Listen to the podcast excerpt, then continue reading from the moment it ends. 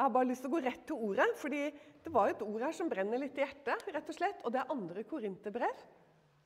Og det står i det tolvte kapittelet. Og der eh, leser jeg bare et par vers. Fordi bakgrunnen er jo det at eh, Paulus han har en lidelse i sitt liv. Altså Han har noe som er vondt og som er vanskelig, og som han skulle ønske han ikke hadde. Og så har han bedt ikke bare én gang, men han har bedt to ganger. Og ikke bare to ganger, han har bedt tre ganger, og kanskje har han bedt mer. Det, det er jo ikke alt man skriver sånn i brev, ikke sant? men for at de skal skjønne at han, eh, at han Altså, de skal få med seg poenget her. Dette er noe som virkelig Paulus så gjerne skulle vært foruten. Så han ber til Gud. Herre, fri meg fra dette. Og så kommer da Guds svar til han etter tredje gangen, sier han, at han ba.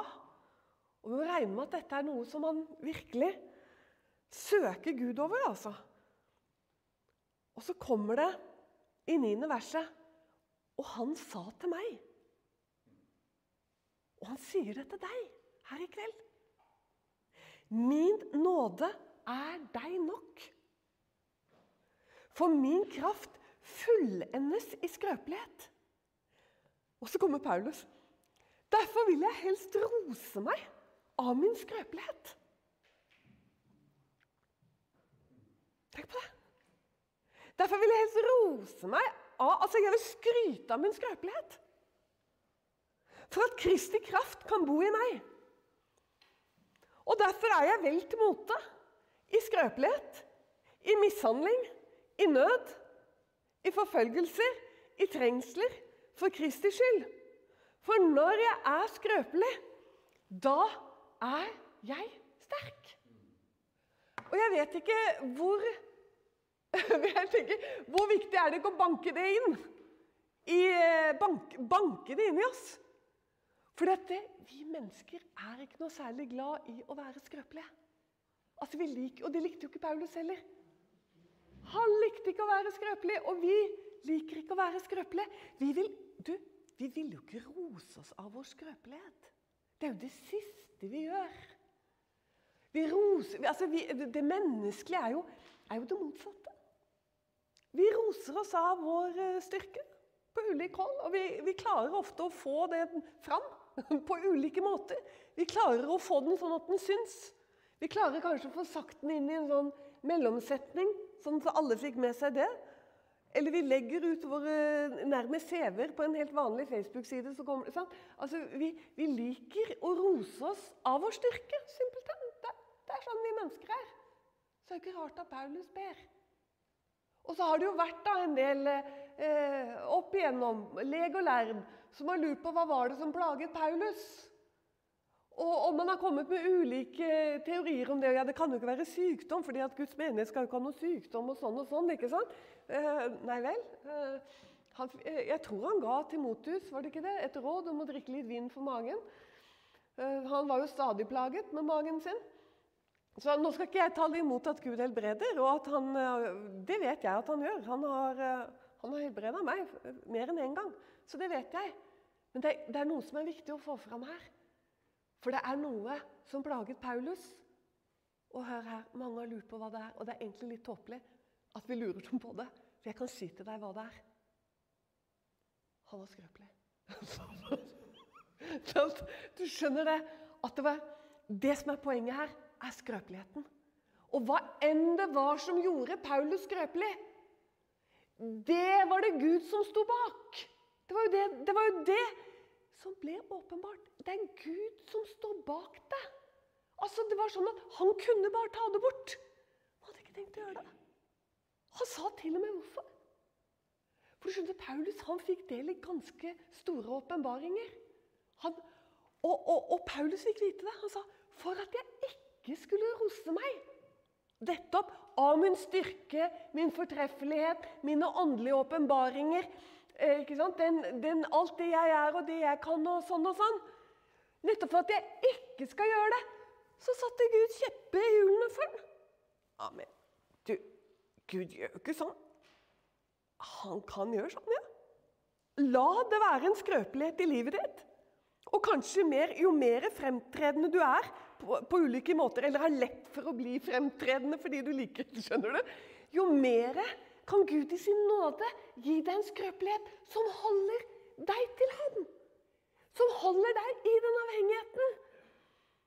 Og det betyr ikke at jeg her i kveld sier at, at liksom nå skal du altså, Det er noe med at vi blir litt sånn der at enten ja, OK, da er det sånn, da, ja. At uh, da skal jeg bare lide, jeg. Sant? Fordi at uh, det er Gud han liker at jeg lider, han. Det er ikke det jeg sa.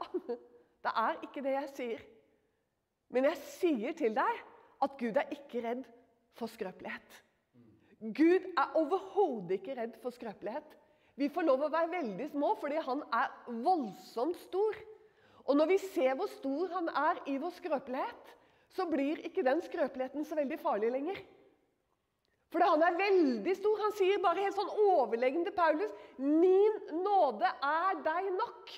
Og da ikke bare nok til å holde hodet så vidt liksom flytende over vannskorpa, så du bare så vidt klarer å holde hodet over. Nei, den, vet du hva? den nåden var Paulus mer enn nok til å fullføre tjenesten og si det. Jeg har bevart troen, jeg har fullført tjenesten, og nå står kransen. Nå ligger den rede for meg. Med den skrøpeligheten fikk han lov å leve, og sikkert ikke bare én heller. Men vi mennesker vi er veldig beskyttende rundt vår skrøpelighet. Og det kan være gode grunner til det òg. Fordi vi lever blant mennesker, og vi har lært å gjemme oss fordi verden har gitt oss noen slag som ikke akkurat har oppmuntret deg til å vise skrøpelighet. For du kan oppleve avvisning og oppleve mange ting. Men jeg bare sier til deg at Gud han er bare så, han er så annerledes. Så ikke begynn å liksom tenke at du må være sterk og flink og, og sånn overfor han. For du har fått noe hos han, og det heter barnekår. Og du kommer aldri til å få noe annet hos han så lenge du er her. Når vi kommer dit og hjem, så vet vi ikke hva og hvordan vi blir. Men så lenge vi er her, så vet vi at vi har barnekår. Og da har du lov også å være som et barn. Han vil at du skal være barna hans. Han vil at du skal ha dette fortrolige samfunnet som lærer deg å stole på ham nettopp igjennom skrøpeligheter. Det er jo så Paulus sa. Jeg vil skryte av skrøpelighetene mine. Tygg litt på den, da. Altså, Skryte av skrøpelighetene mine! Det, det, det. Fordi han har fått merke det at Guds kraft fullendes i skrøpelighet. Altså, Det er gjennom disse skrøpelighetene at jeg har fått merke at Gud er Gud. Og hvor stor han er, og hvor trofast han er, og hvor sterk han er, og hvor mektig han er. Det er i skrøpelighetene han har fått merke det. Og du, du må ikke være enig med meg nå, men jeg er ganske enig med meg selv. At jeg tror nettopp Norge og det norske samfunns styrke og uendelig kraft eh, siste tiårene, og det begynner å bli en del tiår, hvor vi bare har økt på i styrke. Økt på, altså som oljefondet har økt har liksom nordmennene økt i sine, skjønner du, i sine enorme biler og enorme hytter og enorme ditt og enorme datt. Og så står det at Paulus sier at hans kraft fullendes i skrøpelighet. Det er kanskje ikke så rart at det ikke er så mye kraft. Forstår du? Fordi at det, vi, vi, er blitt så selvoppholdne og så sterke og så sånn.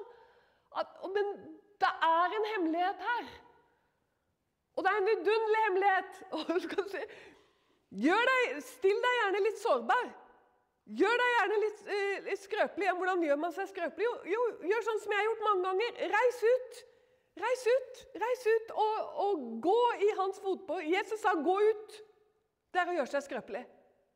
Ja, men Er du sikker på han mente du skal gå ut av Norge? da? Nei, det er ikke sikkert, men bare kom deg ut, du. sånn? Uansett hva det er så er det 'gå ut'. Og det 'gå ut' det betyr å gå ut og gjøre deg skrøpelig. Gå ut, og hør nå, så sier han 'Og se, jeg er med deg alle dager'.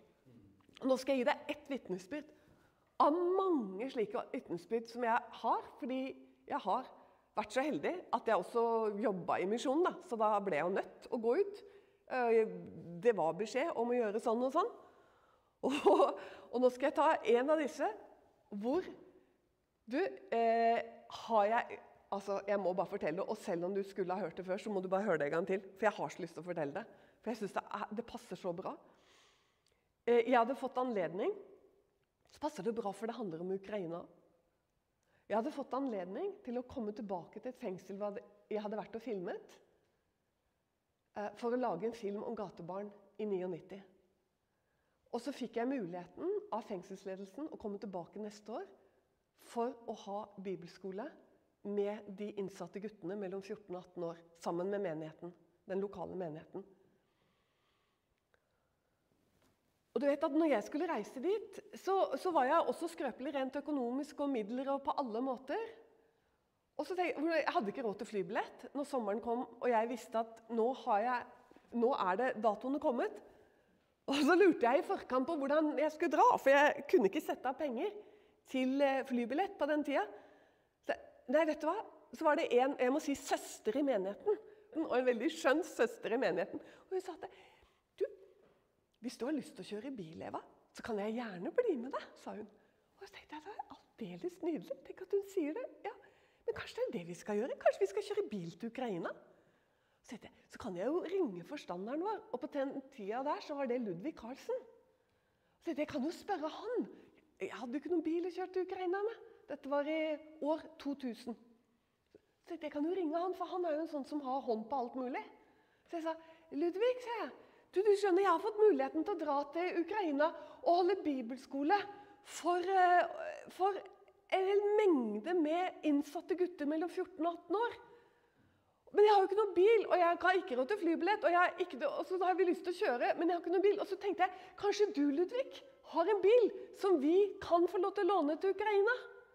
Og nå vil jeg at når jeg forteller nå, så vil jeg at du virkelig tenker på hva jeg sier i forhold til det å gå ut. Og forhold til det å gå ut. Dere, jeg ringer Ludvig. Og så, og så sier jeg til han ja, dette som jeg fortalte. Og så sier han Han var jo alltid så god, vet du. Han tok seg alltid så god tid. Og sa men dette er jo fantastisk, jenta mi. Det er liksom jenta di, ikke sant? Dette er jo helt fantastisk, jenta mi. Og det er klart det. Jeg må jo få tak i en bil til dette her. Det ikke, Ring meg om 14 dager, så skal jeg ha en bil klar til deg. Flott, sa jeg, vet du. Sånn. Men så tenkte vi at det, men det kan jo ikke være hvilken som helst bil. Fordi at det, Kristin, du kan jo ingenting om biler, og jeg kan jo ingenting om biler. Og vi skal jo kjøre liksom, gjennom Sverige og gjennom Polen, og, og, og vi skal kjøre inn i Ukraina og sånn. Og vi kan jo ikke risikere at, dette her, eh, at, at, at, at, det skjer noe med bilen. Og Kristin, vet du hva vi ber om, sa Kristin, for hun var litt sånn der. du. Så sa hun vi ber at de får en skikkelig flott bil. Så sier jeg, men du, da, så jeg hang meg litt på den der greia der, da. Så jeg sa det at ja, det gjør vi, sa jeg. Vi, vi ber at vi får en vi ber om en Mercedes, sa jeg, for å dra litt til. liksom. Så sier ja, eller en skikkelig ny Volvo, sa hun. Ja, ja, ja, kanskje en ny Volvo. du, vi var så snåle. For vi var helt overbevist om at det var det vi måtte ha. Og vi ba, vet du. Og vi ble litt sånn der. Sånn, vi gikk sånn. Og vi ba ikke lenger. Vi bare takka Gud for den. Vi takket Gud for at vi hadde fått denne fantastiske bilen. Takk Gud, liksom. At den er der. Den er på plass. Og vi sånn Yes! Halleluja! Den har vi fått. Den er vår. Og vi var veldig sånn, vet du. Og vi hadde sånn tro. Og du, jeg lærte for all tid og ettertid, ja, altså. Du er ingen som får meg til å blåse meg opp i lønnkammeret mer. Jeg, jeg, og egentlig så var jeg ikke sånn da heller, men jeg ble liksom litt ja, Hun satte litt sånn Hun blåste meg litt opp, da, og så blåste vi hverandre litt opp. Og vi gikk liksom i lønnkammeret der og bare takka for denne fantastiske nye Volvoen som vi hadde fått.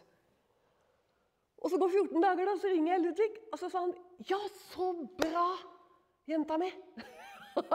litt sånn Så bra. Og tenkte jeg Har han glemt det?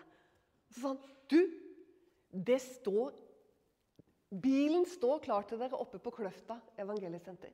Det er bare å kjøre opp der sånn, og der står den på gårdsplassen. Og jeg skal sørge for at det, at det er noen som tar dere imot, og at dere får nøkler og sånn og sånn.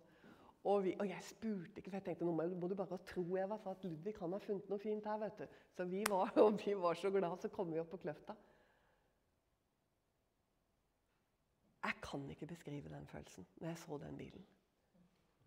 Altså, det var en eh, jeg, jeg, husker ikke om det var Fiat eller Masta. Og jeg husker ikke jeg, husker ikke, jeg spurte aldri heller hvilken årgang den var. Men kan den ha vært noe sånn 79-80 eller noe sånt nå? I år 2000? Noe sånt nå? Å, kjære vene. Så ringte jeg til Ludvig. Mener du den der eh, Den som står ute på plassen? Ja.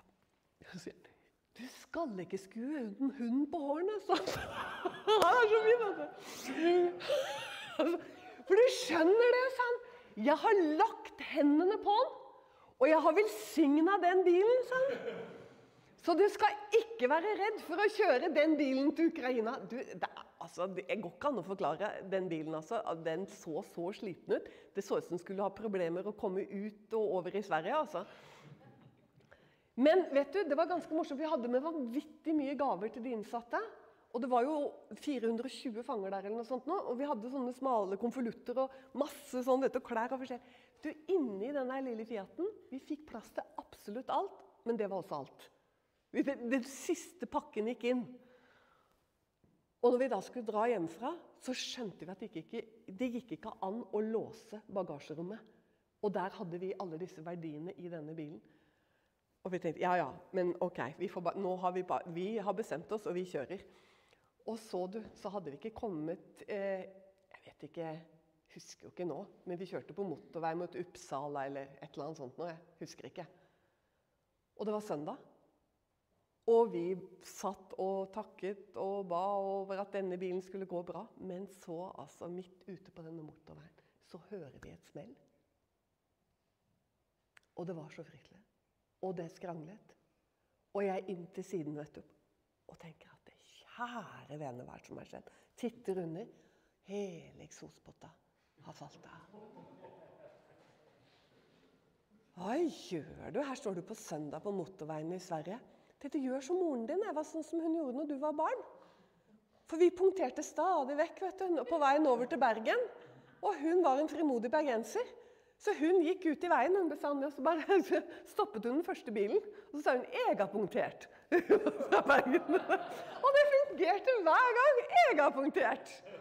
Og de bare rullet opp vet skjorteermene og, og satt i gang, disse mannfolka. Men du vet, mannfolk er jo ikke sånn i dag som de var den gangen. Så, jeg, men jeg prøvde meg på den samme, da, så jeg bare gikk ut i motorveien og så gjorde jeg sånn første bil. Og han kjørte inn. Så sa jeg du, hele eksospotta ramlet ned. Så er det var en mann da som kom ut. Og så smilte han meg og sa han, og hva tenker du at jeg skal gjøre med det? sa han.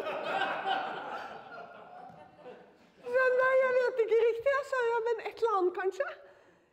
Så sa han jeg kan gi deg, jeg kan gi deg, jeg kan gi deg en god nyhet. sa han. Og det er at 500 eh, meter lenger ned i veien her, så er det jeg tror det var Viking, er det et vikingverksted.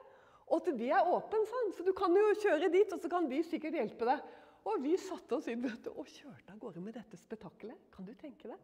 Det bråkte noe så fryktelig. Og når vi kommer opp mot dette vikingverkstedet, så står han klar og venter på oss. For han hadde hørt oss for lenge siden, sa han.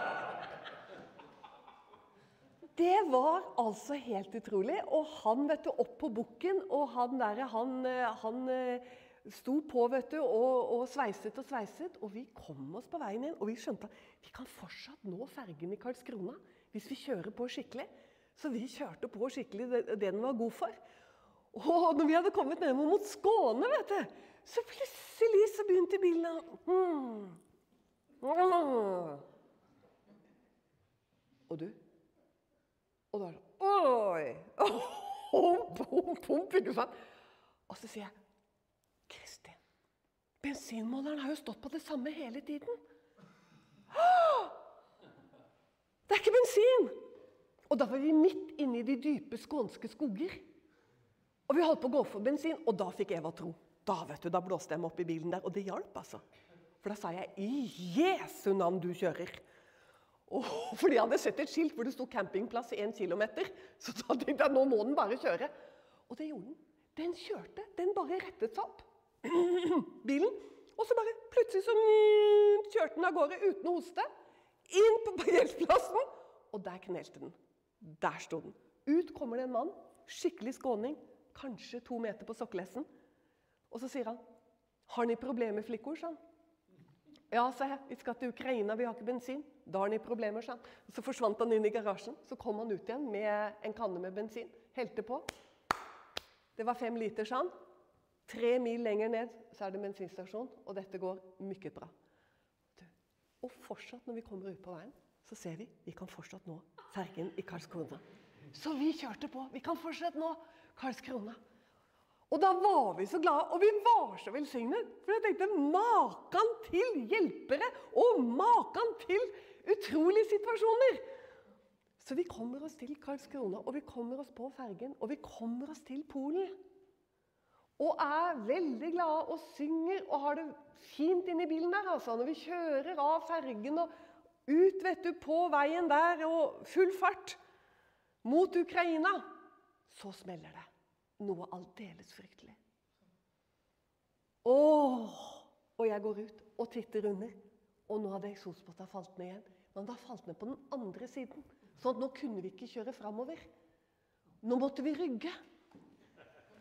Men da var vi vet du hva, dette er sant, altså, da var vi så velsignet pga. alt dette underlige som hadde skjedd. For vi hadde jo fått sånn hjelp hver gang. Så det vi gjorde, var at vi bare snudde bilen rundt. Og så rygget vi mens vi sang Salme 121. Ryggende mens polakkene suste forbi og så veldig spørrende ut til denne gamle Fiaten eller Mazdaen, som var stappfull av all mulig greier, og to damer som satt og sang og rygget og lagde et forferdelig leven. Og du, så kommer skiltet ganske fort. Remont. 200 meter. Pil rett ut i åkeren. Verksted. Og vi rygger ut mot dette verkstedet. Rygger og synger. Så kommer vi til verkstedet, og der står han klar og venter, for han hadde hørt oss for lenge siden. Helt sant, ikke noe tull. Opp på bukken. Og så skal jeg si deg at polakker de er mye bedre til å sveise enn svensker. Så nå holdt det! Nå holdt det hele veien til Ukraina og fra Ukraina og hele veien hjem til Norge igjen. Ingenting mer som skjedde. Men det jeg har lyst til å si til deg, var det at når vi kom til det fengselet Det ble jo ganske raskt vekkelsesmøte faktisk det er sånn, og mange som ble frelst. Og vi kom med en sånn glede. For du skjønner det, vi hadde kommet vi inn i det som heter Jeg vil helst rose meg av min skrøpelighet. Vi hadde fått oppleve Gud. Fordi at det er hans kraft fullendes i vår skrøpelighet. Og dette er bare et fantastisk eksempel av mange sånne eksempler jeg har i mitt liv. Fordi jeg jobbet i misjonen i en god del år og måtte blitt sendt både til Sibir og til Kongo og alt mulig. Og hver gang har det samme skjedd. Når jeg har vært mest som skrøpelig, så har Guds kraft full, blitt fullendt i den skrøpeligheten. Du, du må ikke være redd for skrøpelighet og svakhet. For det er da Gud er aller nærmest. Og vi var jo nærmest som et kildevelv vet du, når vi kom til det fengselet. Vi var et oppkomme av glede og av tro og av begeistring som smittet over på disse ungdommene. Hadde vi kommet i denne her nye Volvoen Jeg er sikker på at uh, det hadde ikke blitt det samme. Og det mener jeg helt oppriktig. altså. Det, det, det kunne ikke vært bedre. Og Ludvig fikk helt rett.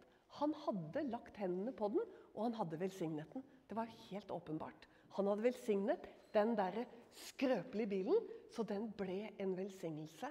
Både den gangen for oss, for gutta, det er sånn, og for, holdt på å si, som en minnelse for meg selv i all ettertid. Og jeg har lyst til at vi skal gå en tur til Gamle Testamentet også. Bare for at vi skal bli litt i dette her. For du skjønner, Bibelen er full av det. Bibelen er rett og slett så full av dette. Så da kan du liksom bare begynne å tenke på det der. Jo, kanskje jeg skal begynne å rose meg litt av skrøpelighetene mine. det, det, er noe nytt. Det har jeg ikke gjort før. Kanskje jeg skal begynne å tenke litt annerledes på livet mitt. Sånn? For vi lærer veldig mye sånn i, innenfor kristenhet i, i, dag at liksom, vi mangler noe hele tida. Liksom, vi må ha mer av noe hele tiden.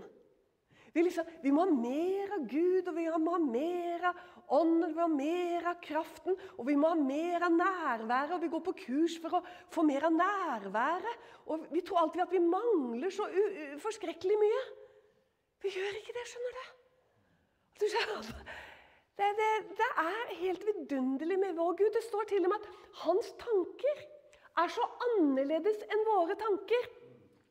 At det, er, at det er liksom ikke bare litt sånn at det er herfra til taket. Nei da, Guds tanker er så annerledes våre tanker at det er som himmelen til jorden. Så forskjellig er Gud ifra oss, og hvordan vi tenker, og hvordan vi er. Og hva vi tror er viktig, og hva vi tror vi må gjøre, og hva vi tror er smart, og hvordan vi syns vi må gjøre det. Han er så annerledes. Så det første vi må gjøre, er jo å stoppe. For Gud vil kanskje gjøre det helt annerledes enn du har tenkt. Og Bibelen er jo bare nesten på annenhver side fra første Mosebok til Johannes' åpenbaring, så er dette regelen. At han har utvalgt seg. Han handler i skrøpelighet med det skrøpelige. Og så åpenbarer han sin kraft i det skrøpelige. Og så bygger han gjennom det mennesker som sakte, men sikkert lærer å bli mer trygg og stole på han. Mer og mer. Det er veien. Det er ingen annen vei. Det er veien. Så Du må ikke liksom begynne å tenke at når, når liksom det er så vanskelig liksom, å komme ut, sant? For enhver pris komme ut, og, og, det er noe gærent med meg og livet sant? Nei! Det er nettopp der han utdanner deg. I de vanskelighetene.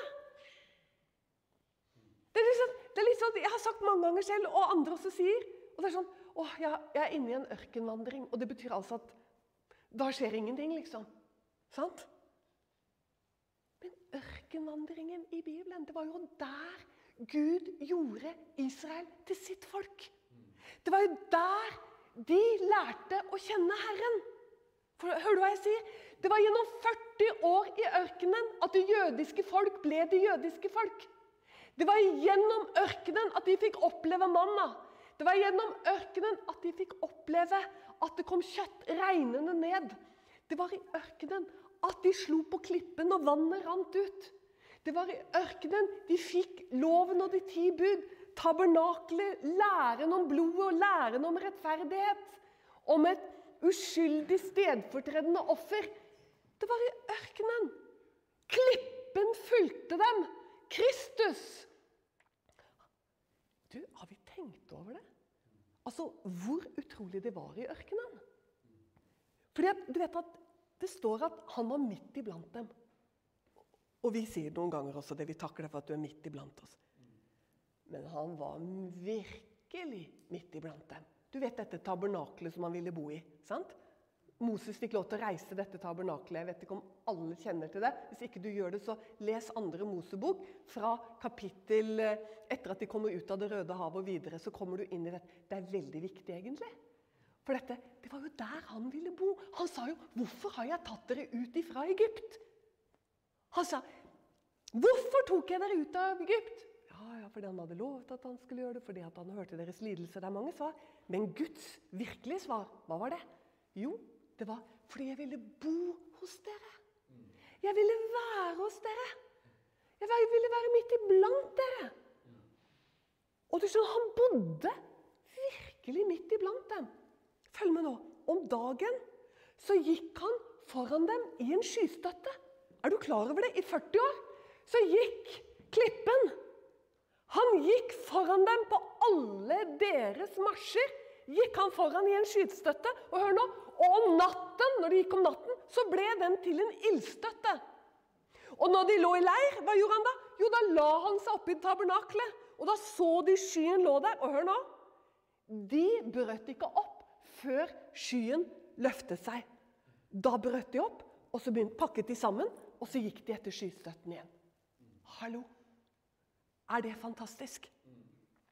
Nå husker jeg nesten ikke helt hvordan jeg kom til skystøtten og ildstøtten og sånn. Men, eh, men, eh, jo, fordi de lærte han å kjenne. Hør du hva jeg sier? Det var i ørkenen, i den golde, nakne, kalde ørkenen, hvor egypterne liksom bare så på det i ørkenen. Gå ut i ørkenen, tre dagsreiser ut i ørkenen for å tilbe deres gud. De gikk til farao at de skulle få lov å gå ut i ørkenen og tilby sin gud. For egypterne var det galskap. For dem var ørkenguden og dødsguden den samme. Det var, det var døden. Det var ørkenen. Det var dødsguden. Men der førte Israels gud inn i ørkenen. Men fikk de Det var der de fikk lære å kjenne Gud. Så ikke klag over ørkenvandringen. Hør du? Ikke klag over ørkenvandring. For det er i ørkenvandringen at han former deg, skaper deg og lærer deg å kjenne ham. Det er der du blir kjent med Gud. Og det er mange som tror vi må ha mer av dette nærværet. Sånn. Jeg har ikke sett så mye frukter av alt dette nærværet heller, skal jeg være helt ærlig. Og nå tøyser jeg litt, altså. Nå er jeg litt slem med dere. Men sant? det går an å ja, altså, Ikke ta meg helt bokstavelig, men ta meg likevel litt, litt bokstavelig, liksom. For du skjønner det, at det er utrolig viktig å forstå. Han er til stede i våre liv. Akkurat sånn som ditt liv er. Akkurat sånn som ditt liv ser ut. Så former han og danner deg. Skjønner du? Og, og, han lager ingen kopier, han lager bare originaler. Han bare, lager bare originale individer, og han lager bare originale menigheter. Bare originale individer og originale menigheter. Fordi han taler til sine hvordan han vil gjøre det. Det var i ørkenen Israel lærte å kjenne Gud. Og nå skal jeg gjøre som jeg sa, nemlig Jesaja 51. For der står det noe som er så fint, synes jeg, da. Fordi det står 'Hør på meg'. Og dette er jo akkurat samme tonen som vi har vært. Hør på meg, dere som jager etter rettferdighet. Dere som søker Herren. Det er jo oss, det, sant? Dere som søker Herren. I alle mulige ting søker vi Herren, og vi leser, og vi må ha mer av Gud. Vi må ha mer av deg, Gud, ikke sant? fordi det er så elendig med livet mitt, og det er så stakkarslig og skrøpelig alt sammen. Sant? Så sier Hør nå, hør hva Gud sier til den, til den røsten der. Dere som strever og holder på sant, og søker Herren og trenger mer og mer hele tida. Hør hva han sier. Se på det fjell som dere er hugget ut av. Og se på den brønn som dere er gravd ut av. Se på Abraham, deres far, og på Sara, som fødte dere.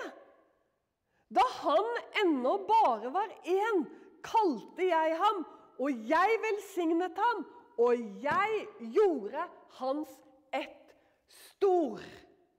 Å, fantastisk! Kan du ta noe bedre enn Abraham? Hæ? Som eksempel på skrøpelighet. Du hjelpes, altså. En aldrende mann med en kone med uttørket morsliv og fantastisk etter hele Babel-prosjektet. Hva? Etter hele Babel-prosjektet. Hva? Det var jo Du, nå skal jeg ønske at jeg kunne huske At jeg kunne huske OL. Du vet, Vi er så veldig på at vi skal ha motto i dag. Motto, er det motto det heter? Jeg vet ikke om det er motto, men det er sånne slagord hele tiden. Jeg er så luta lei av disse slagordene. OL har også et sånt slagord. Og det, jeg mener at det er Nei, det er, det, det, det, det er sånn Det er eh, raskere, høyere, sterkere sammen. det er sånn Jeg skal si deg én ting, at det er ikke Guds slagord. Høyere, raskere, sterkere, sammen! Det er Babels slagordet. Det ligner veldig på OL. Det er, det er ganske likt, altså. OL og Babel. Kom, la oss bygge et tårn som når like inn i himmelen, så vi kan få oss et navn! Ikke sant? Det er mennesket, dette. Dette er kjøttet, vet du. og så kommer han her og bare minner barna sine. Så sier han, se på han, Vet du hva? Han sier ikke det fjell. Vet du hva det står på hebraisk? Se på den steinen! Hæ? Er det noe å se på Gud? Se på den steinen som du er hugget ut av. Se på den. Se på den.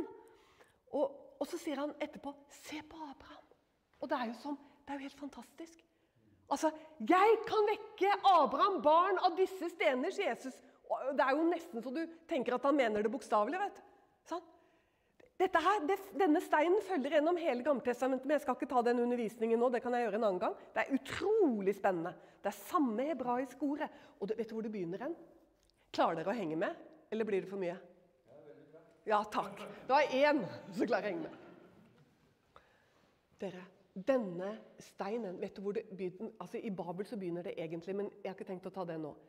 Det begynner der hvor Moses har knust lovens tavler. For han er så fortvila. Fordi at alle, han, bare, han bare ser at de har bare kastet seg over avgudsdyrkelse. Og, ikke sant? og det er bare, og han orker ikke mer. Moses er ved sitt livs krise. Nå er det nok. Jeg orker ikke mer. Og, og, og, og Gud har vel nesten fått litt nok av dem, han òg. Men, men, i hvert fall så skjer det at Moses bønnfaler Gud. Vis meg din herlighet, Gud. Ellers så kan jeg ikke fortsette å gå. Altså Han klarer ikke hvis ikke du viser meg din herlighet. Og da sier Gud noe nydelig. Jeg skal la all min godhet gå forbi ditt åsyn. Jeg vet, jeg syns det er så fint. All min godhet. Og så kommer det aller beste. Så sier Gud dette underlige. Nå er vi altså i vi er i andre Mosebok, og vi er det jeg mener vi er, jo, vi er i det 33. kapitlet, og vi er i det 21. verset, så du kan gå og lese etterpå når du kommer hjem. Så sier Gud til Moses Nært ved meg er det et sted. Nært ved meg er det et sted. Og så sier han til Moses, still deg der på klippen. Det er egentlig på steinen. Still deg der. Da kommer steinen igjen. Steinen som han snakker om i Jesaja. Still deg der på steinen. Og jeg skal la all min godhet gå forbi ditt åsyn. Halleluja. Og så, og så gjør du dette. Så det begynner der. At Moses står på denne nakne steinen. Så står Moses der, helt ferdig, helt skrøpelig, greier ikke mer. På en naken sten. Hva skal dette være godt for Gud? Still deg der på steinen. Så kommer han, vet du. Og, og, og roper ut sitt navn for Moses. Og la hele sin godhet gå forbi. Og fra det øyeblikket så ble den klippen noe som ble med oss gjennom hele Bibelen. Det er samme hebraiske ord derfra og gjennom hele Skriften. Klippen. Men egentlig på hebraisk så står det steinen. Steinen som Gud plasserte Moses på. Og det er så Gud. Det er så nakent. Det er så umulig. Det er som, vet du, Peter han har skjønt det helt. vet du, Han sier 'la dere oppbygge som levende stener, dere òg'. Etter at han har talt om hjørnesteinen, som er Jesus. sant? La dere oppbygge dere også som levende stener. Det Steiner er jo ikke levende, det, Peter. Jo, du skjønner det. Det er denne steinen som virker så håpløst, nakent, umulig. Det er Gud. Han stilte han i kløften av denne steinen og lot hele sin godhet gå forbi Moses sitt åsyn. Og Moses fikk kjenne hvem Gud er. Herren, Herren er en nådig og barmhjertig Gud, langmodig og rik på miskunnhet og sannhet. Og Moses kunne fortsette å gå, for han hadde sett Herrens åsyn og hør nå, og Herrens åsyn gikk med han gjennom ørkenen i alle disse årene. Og Israel fikk oppleve det ene undrende etter den andre. Men hele tiden så var det på steinen, på det umulige, på det nakne og på det bare at de fikk bli kjent med han, og at de fikk lov til å bli et utvalgt folk til hans pris og til hans ære. Det er helt fantastisk. Dere som søker Herren her på Ål dere som søker Herren, se på Abraham. Da han bare var én, og alt var umulig, så velsignet jeg ham. Det er akkurat som du sa, La meg bare ta en tåpelig linje nå til Ludvig og den der Mastan. Men det er samme prinsippet. Så velsignet jeg det. Skjønner du? Og så ble det et redskap for Gud. Og Er det en nasjon som trenger å høre dette, så er det Norge. Og er det enkeltmennesker som trenger å høre dette, så er det nordmenn. Mer enn noen. For er det noe vi har blitt gode på, så er det å rose oss av vår styrke. Og jeg tenker, Er det kanskje folk som er mindre i stand til å gå inn i krise og håndtere krise enn alle folkeslag på jorden? Jeg vet ikke. Men jeg har lyst til å si det til deg. At eh, når du kommer i krise, som vi kommer til å komme i Jeg vet ikke når Herren skal hente oss hjem. Så hvor du ikke kan håndtere det, skjønner du, da har det godt å vite at du har beina dine solid festa på den der nakne steinen. Og det er mer enn nok for deg. For han er undrenes Gud, han er miraklenes Gud. Han er den trofaste Gud. Om han ber deg om å slå på den steinen, eller om du skal få drikke olje av harde steinen, som det står i Skriften, det lot han dem gjøre i Egypt. I det umulige og i det håpløse. Og Jeg vet ikke hvor mørkt det kommer til å bli, jeg vet ikke hvor håpløst det kommer til å bli, men jeg har et budskap til hver og en av dere. Når du har bena dine der, og du har lært å kjenne Han som kaller seg i Skriften for denne hjørnesteinen, og du står der, du er trygg. Du trenger ikke noe spesielle ditt og spesielle datt, men du trenger den troen som er forankret i tillit til at Han er med meg uansett hva som skjer, uansett hva jeg kommer opp i. Så er han med meg. Gud velsigne deg, og Gud være med deg. I Jesu Kristi navn. Amen. Herre Jesus.